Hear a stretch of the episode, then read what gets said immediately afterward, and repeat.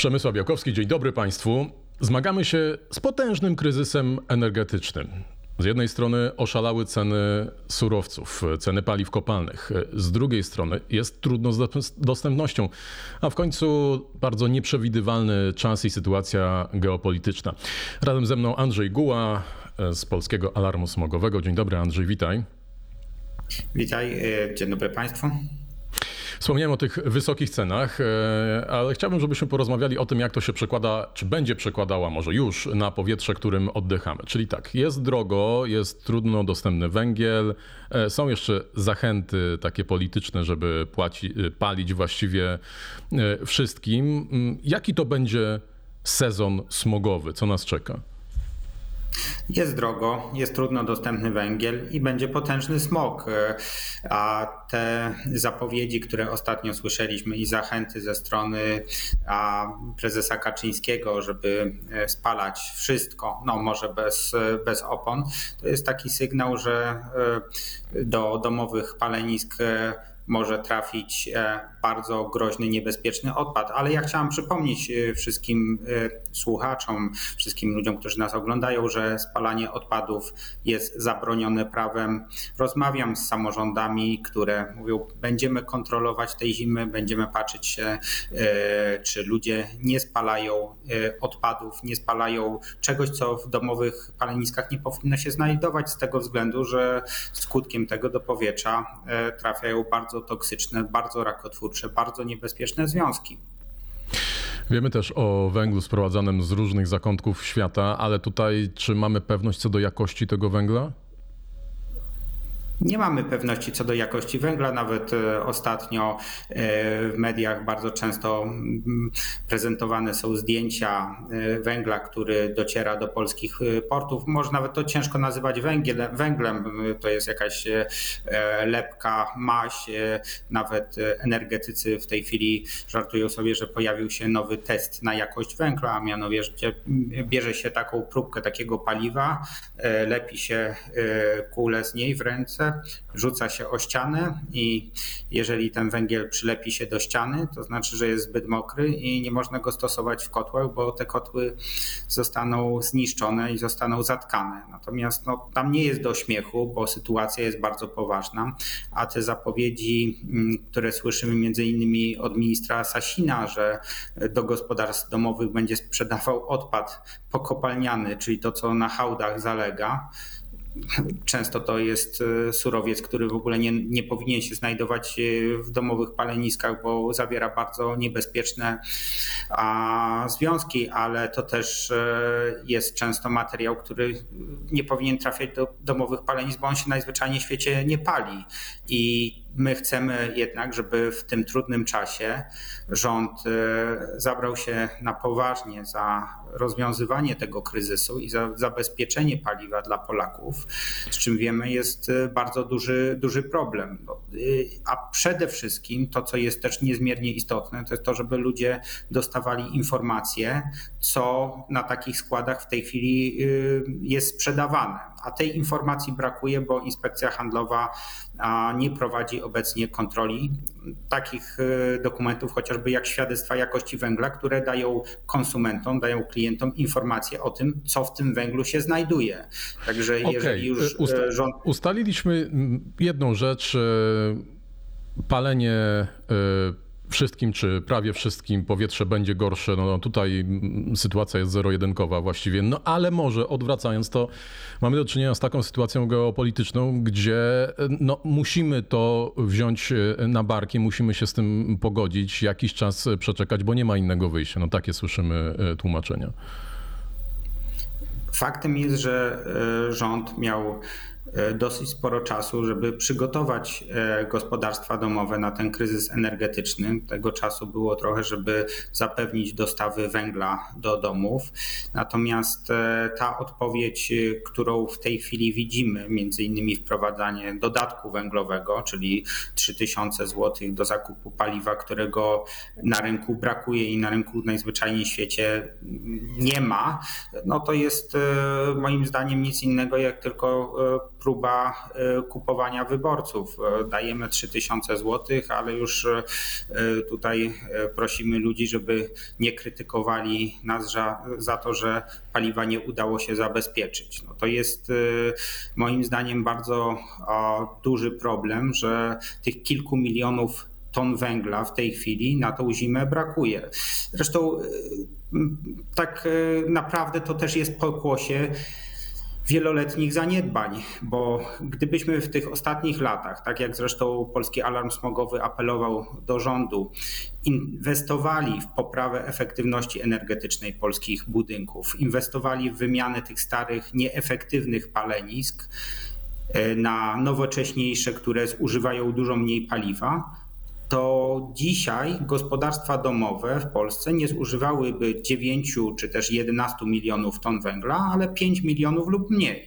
Czyli byłaby taka sytuacja, bardzo że rząd... ważną bardzo ważną sprawę, bo rzeczywiście ja też mam takie wrażenie, że znacznie większy nacisk i tutaj program Czyste Powietrze jest, czy był położony na wymianę źródeł ciepła, natomiast no, trochę mniej mówi się e, o tym, że te budynki w Polsce to są wampiry energetyczne. No, co z tego, że będziemy mieli nowoczesne źródło, ekologiczne źródło ciepła, podczas gdy to ciepło będzie po prostu e, uciekało. Jak, e, jak to wygląda? To prawda, to y, sytuacja jest y, taka, że polskie budynki, zwłaszcza budynki jednorodzinne, są w fatalnym stanie energetycznym. Z badań, które od wielu lat prowadzimy, wynika, że ponad 30% y, domów jednorodzinnych w Polsce nie ma żadnego ocieplenia ścian zewnętrznych, czyli energia zamiast ogrzewać użytkowników, ta energia, która jest wyprodukowana w kotłach, w tych źródłach ciepła, jest, e, ucieka przez nieszczelne ściany, e, przez nieszczelne stropodachy i ten potencjał do oszczędności jest ogromny. Jeżeli popatrzymy się na taki przeciętny budynek nieocieplony, no to on, jego ogrzanie, na jego ogrzanie potrzeba około 6 ton węgla. Jeżeli ten budynek byłby w przyzwoitym standardzie energetycznym, miał docieplone ściany, dobrze e, dobraną stolarkę okienną, to zużycie by wynosiło 3 tony węgla. Jeżeli byłoby jeszcze wymienione źródło ciepła, to wtedy tego węgla nie potrzebowalibyśmy wcale. To jest ogromny potencjał potencjał, który można wyzwolić, ale do tego jest jeden warunek. Jak pan redaktor słusznie powiedział, a program Czyste Powietrze bardzo mocno koncentrował się na wymianie źródeł ciepła, natomiast e, stosunkowo e, niewielkie nakłady i stosunkowo e, mało uwagi poświęcano tym działaniom, które poprawią efektywność energetyczną, czyli spowodują, że polskie domy nie będą tymi wampirami energetycznymi. Tutaj y, my jako Polski Alarm Smogowy od dłuższego czasu apelujemy do premiera Morawieckiego, apelujemy do rządu, do Narodowego Funduszu Ochrony Środowiska, żeby a program Czyste Powietrze został jednak zmieniony w tym kierunku, który będzie promował inwestycje w zakresie efektywności energetycznej. W tej chwili ostatnie zapowiedzi mm, pana e, pełnomocnika Mirowskiego, prezesa, wiceprezesa Narodowego Funduszu Ochrony Środowiska są takie, że ta nowa wersja programu Czyste Powietrze ma e, zostać uruchomiona e, jeszcze w październiku.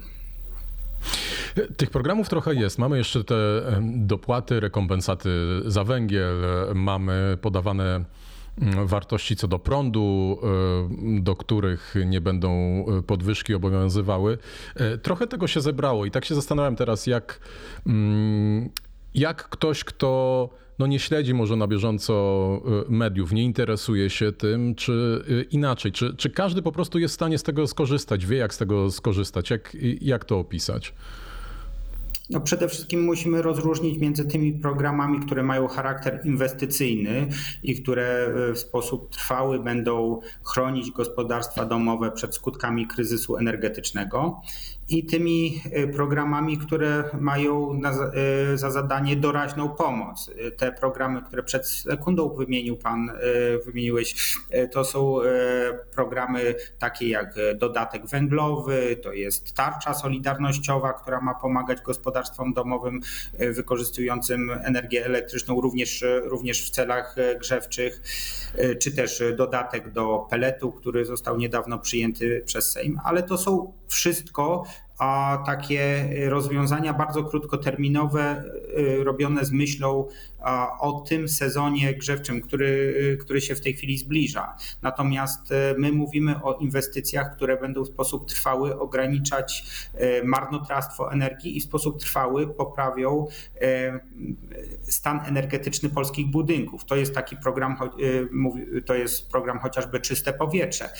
I w tej chwili widzimy bardzo duży nacisk. E, rząd kładzie na te wszystkie programy doraźne, natomiast e, bardzo niewiele uwagi poświęca się e, tym inwestycjom, które są konieczne, żebyśmy w przyszłości nie musieli z budżetu państwa wydawać gigantycznych sum na takie programy jak dodatki węglowe. I tutaj wielkiej aktywności rządu w tym obszarze niestety nie widać. Muszę powiedzieć, to jest, to jest wielką szkodą dla państwa polskiego, to jest wielką szkodą dla e, budżetu, dla finansów e, publicznych, ponieważ e, musimy mieć na uwadze, że ten kryzys energetyczny, z którym w tej chwili się zmierzamy, on niestety nie skończy się wraz z tym sezonem grzewczym. Dlatego my musimy myśleć do przodu, musimy zabezpieczać i chronić gospodarstwa domowe z myślą o przyszłych sezonach grzewczych. A pamiętajmy, że najlepsza energia jest ta, której nie zużyjemy, najlepsza, najczystsza i w tą energię powinniśmy inwestować. To jest ogromny potencjał, który moglibyśmy uruchomić, czyli potencjał efektywności energetycznej, no ale do tego konieczne są działania rządu. To, to bardzo ważne e, zdanie, że najlepsza energia to jest ta, której nie wykorzystamy. Zresztą to chyba taka w ogóle nadrzędna maksyma ekologii. E, ale pytanie, czy my jesteśmy mm, e, na to gotowi? Czy my świadomościowo jesteśmy gotowi? A może dopiero zmusi nas do tego ta, ta sytuacja, to mówienie o tym kryzysie? Zastanawiam się, czy po prostu do tej pory nie było tak, że prąd nie był za tani, inne media, gaz nie był za tani i po prostu no, nam się nie opłacało y, oszczędzać, bo y, te mm, kwoty w budżecie domowym no nie były tak duże. Teraz to się zmienia bardzo dynamicznie. Może to jest taki e, przyczynek do tego, że zaczniemy się nad tym mocniej zastanawiać już z takiego punktu widzenia naszych budżetów domowych.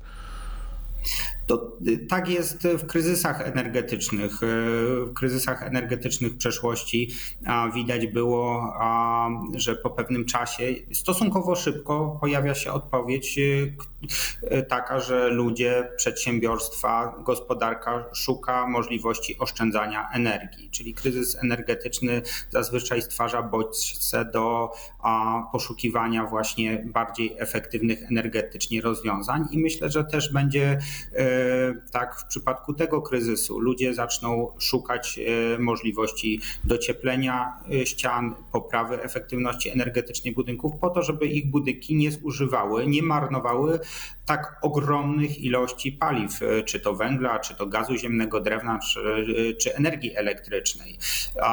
I ja myślę, że w najbliższych latach nastąpi ta poprawa efektywności energetycznej, ale dobrze skonstruowany program pomocowy jest do tego warunkiem koniecznym. Taki program powinien, e, powinien być realizowany i zresztą my nie mówimy tu tylko i wyłącznie o reformie programu Czyste Powietrze. Program Czyste Powietrze jest przeznaczony dla budynków jednorodzinnych. E, my mówimy również o konieczności stworzenia dobrego mechanizmu dla poprawy efektywności energetycznej w budynkach wielorodzinnych, e, w blokach mieszkalnych, w kamienicach, to się niestety nie dzieje i, i, jest to z wielką szkodą, ponieważ e, każdy następny rok, e, każdy tego typu kryzys będzie powodował to, że my z budżetu państwa musimy e, gigantyczne środki przeznaczać na taką bieżącą pomoc. To nie jest inwestycja. Ta bieżąca pomoc to jest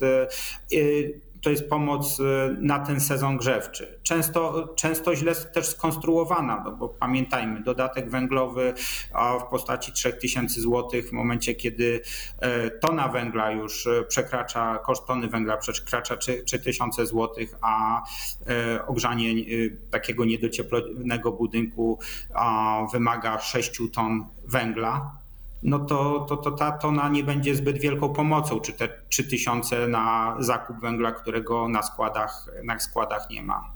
No a jednocześnie co z tymi, którzy byli zachęcani przez ostatnie lata do zmiany, wymiany źródła ciepła i mają teraz, nie wiem, no na przykład pompę ciepła, która kosztowała niemało? I takich ludzi jest bardzo dużo. W tej chwili szacujemy, że w ostatnich latach e, pompy ciepła, które są chyba najpopularniejszą technologią, e, jeżeli chodzi o wymianę źródeł ciepła, a zyskały naprawdę, naprawdę dużą popularność i w tej chwili jest już e, ponad 250 tysięcy gospodarstw domowych, które e, korzysta właśnie z tej, z tej technologii. Dlatego też e, zapewnienie pewnej stabilności i przewidywalności cen energii elektrycznej ma tutaj kluczowe znaczenie. My apelowaliśmy do pana premiera Morawieckiego, żeby w tarczy solidarnościowej nie zapominał rząd o potężnej grupie ludzi, którzy ogrzewają swoje mieszkania energią elektryczną. Nie mówimy tutaj tylko i wyłącznie o użytkownikach pomp ciepła, ale mówimy również o ludziach, którzy na przykład w kamienicach e, wykorzystują piece akumulacyjne z grzałką elektryczną do ogrzewania swoich mieszkań. Dla tych ludzi ta tarcza zaproponowana przez rząd nie jest odpowiednim rozwiązaniem. Z tego, co słyszałem e, z ostatnich zapowiedzi ministra Budy, ta grupa będzie również włączona do, do pomocy i, i do wsparcia. To przejdźmy jeszcze do jednej kwestii, która wzbudzała bardzo duże kontrowersje. Mm, inaczej. W ostatnim czasie mam takie wrażenie, że Kraków, czy też, no może nie do końca słusznie, ale cała Małopolska była pokazywana jako wzór miejsca, które poradziło sobie ze smogiem. No, dotyczy to samego e, Krakowa, choć sprawa jest trochę bardziej skomplikowana. Natomiast e, ostatnią decyzją radnych e, województwo małopolskie przesuwa aż o dwa lata datę, z którą, w której mm, województwo miało się żegnać z kopciuchami. Co to właściwie oznacza dla samego Krakowa, dla, dla regionu, dla, dla mieszkańców? Tutaj mm, musimy zaznaczyć, że uchwała antysmogowa dla Krakowa wciąż obowiązuje. Ta zmiana, którą przyjął Sejmik, dotyczy gmin poza Krakowem, czyli ona dotyczy całego województwa, natomiast y, w Krakowie zakaz spalania paliw stałych jest wciąż w mocy. Mm, Choć Oczywiście... patrząc geograficznie i na to, jak ten smog e, trafia, no to, to, z tego krakowskiego uważanka on i tak e, trafia do, do Krakowa, więc to jest też taka e, e, sytuacja, o której warto wspomnieć. Jak najbardziej no to jest nieszczęście Krakowa, że jest położony w Niecce, jest e, najsłabiej wentylowanym dużym miastem w Polsce. I niestety te kilkadziesiąt tysięcy kopciuchów y, naokoło Krakowa a powodują bardzo duży problem również w mieście, ponieważ e, te zanieczyszczenia, które są wyprodukowane w tych urządzeniach grzewczych poza Krakowem, bardzo szybko spływają do Krakowa e, i znajdują się w, w centrum miasta. To jest taka typowa sytuacja, którą można zaobserwować po gęstej sieci monitoringu powietrza, e, którą, operuje Early i widać, że taki typowy wzorzec to jest w godzinach wieczornych. Smog pojawia się najpierw e, na obrzeżach Krakowa w gminach ościennych. Kraków jeszcze utrzymuje się na przyzwoitym poziomie. Tutaj te wszystkie wskazania powiedzmy e, w zakresie powiedzmy pyłu zawietrzonego pokazują, że sytuacja jest akceptowalna, a po paru godzinach te zanieczyszczenia z zewnątrz trafiają do miasta i oddychamy tym gęstym smogiem wyprodukowanym w gminach sąsiednich, czyli w tak zwanym obwarzanku krakowskim. No ale ktoś powie teraz, y, y, też takie komentarze słyszałem, no nie wszyscy zdążyli i dajemy im trochę więcej czasu. Znowu sytuacja jest y, nadzwyczajna. Sytuacja jest nadzwyczajna, z tym, że pamiętajmy, że od e, przyjęcia uchwały antysmogowej mieszkańcy województwa małopolskiego mieli 6 lat na wymianę tych źródeł ciepła. I e, ja wczoraj w Sejmiku mówiłem, że a oczekiwałbym od marszałków aktywności właśnie w tym obszarze, czyli żeby aktywnie zachęcali mieszkańców do wymiany źródeł, do docieplania domów, żeby pomagali mieszkańcom w tych inwestycjach i pozyskiwali na te działania e, niezbędne środki finansowe. Niestety tak dużej aktywności e, po stronie zarządu, po stronie e, Sejmiku Województwa Małopolskiego na tym polu nie widać było.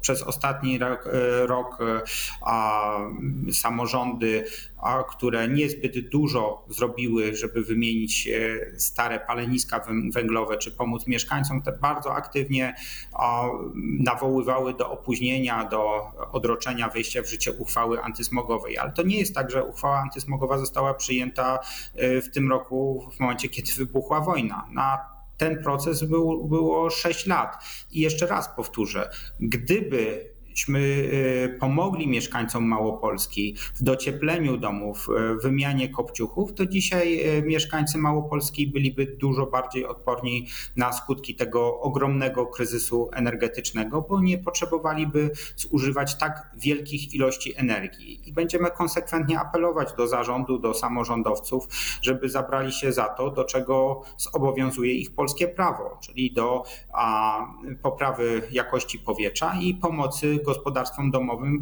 w przeprowadzeniu tych niezbędnych inwestycji. A jak wyglądają te e, lokalne czy, czy samorządowe mm, przepisy związane z e, kopciuchami, czy te lokalne uchwały antysmogowe w innych miejscach? No w tym momencie na 16 województw w Polsce mamy 14 województw, które ma uchwały antysmogowe. One się różnią od siebie zarówno terminem wejścia, jak i, e, jak i zakresem ograniczeń. No, przykładowo e, Kraków jest tym miastem, gdzie wprowadzono całkowity zakaz spalania paliw stałych, czyli, czyli węgla i drewna. A to jest podyktowane tymi warunkami e, geograficznymi, o których wcześniej rozmawialiśmy, czyli bardzo e, położenie w Nietce, bardzo słaba wentylacja. Natomiast w większości województw nie zakazuje się mm, stosowania węgla czy drewna, urządzeń, które spalają e, te paliwa, ale wprowadza się ograniczenia w zakresie mm, eksploatacji, które polegają na tym, że wymaga się, żeby tego typu kotły czy piece spełniały określone standardy emisyjne. I w większości przypadków to jest tak zwany standard ekoprojektu, e, czyli nie można stosować urządzenia, które tego standardu nie spełnia. To jeszcze jedno pytanie na koniec. Przypomnimy sobie o maseczkach, w tym przypadku maseczkach antysmogowych. No to jest y, to, co nam pozostaje w momencie, kiedy y, E, wisi gęsty smog e, nad miastem czy w naszej okolicy. Jest bardzo duże zanieczyszczenie powietrza. Można stosować maseczki antysmogowe.